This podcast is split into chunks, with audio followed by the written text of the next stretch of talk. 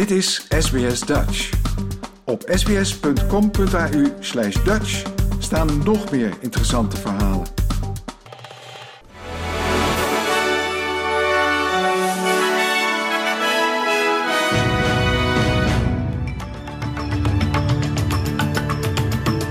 Dit is de SBS Nieuwsflits van woensdag 15 november. Mijn naam is Paulien Roesink. De Verenigde Staten hebben de Israëlische beweringen gesteund dat Hamas ziekenhuizen in Gaza-stad gebruikt voor zijn militaire operaties. De woordvoerder van de Nationale Veiligheidsraad van het Witte Huis, John Kirby, heeft gezegd dat de VS over niet gespecificeerde inlichtingen uit verschillende bronnen beschikken, waaruit blijkt dat Hamas en andere Palestijnse militanten tunnels onder de ziekenhuizen gebruiken om wapens te verplaatsen en gijzelaars te verbergen. Oppositieleider Peter Dutton zegt dat hij een brief naar de premier heeft gestuurd met het verzoek een nationaal kabinet bijeen te roepen om de opkomst van antisemitisme binnen de Australische gemeenschap aan te pakken. Tijdens zijn eerste persconferentie sinds afgelopen juli beschuldigde Dutton Anthony Albanese ervan niet in staat te zijn zijn belangrijke kwesties aan te pakken en de veiligheid van alle Australiërs te garanderen.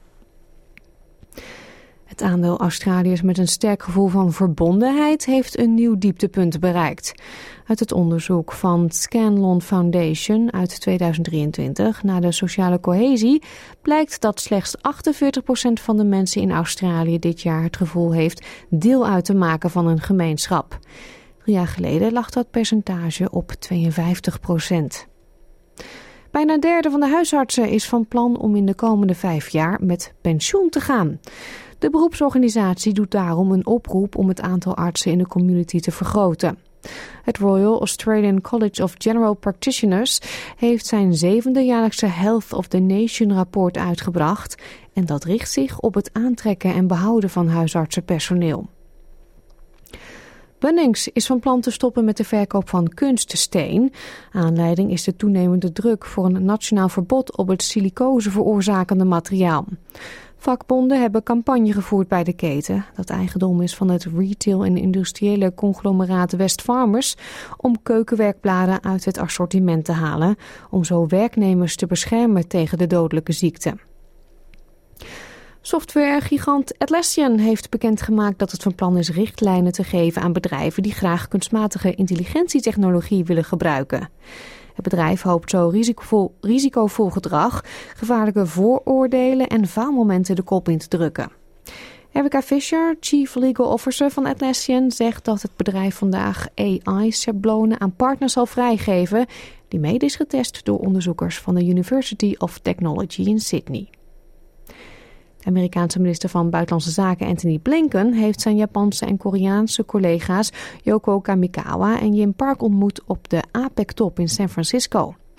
Blinken zei tevens dat de komende dagen regionale en mondiale kwesties zoals de Russische invasie in Oekraïne, conflicten in het Midden-Oosten en de veiligheidsimplicaties van Noord-Korea besproken zullen worden.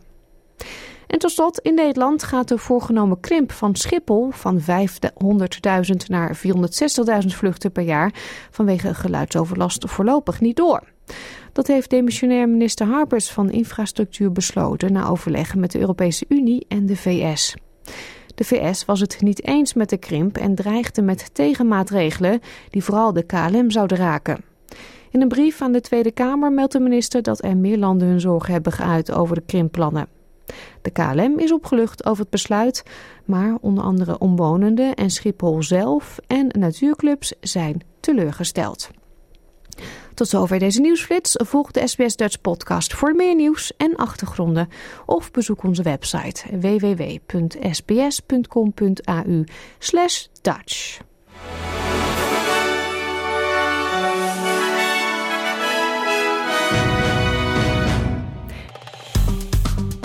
Like, deel, geef je reactie. Volg SBS Dutch op Facebook.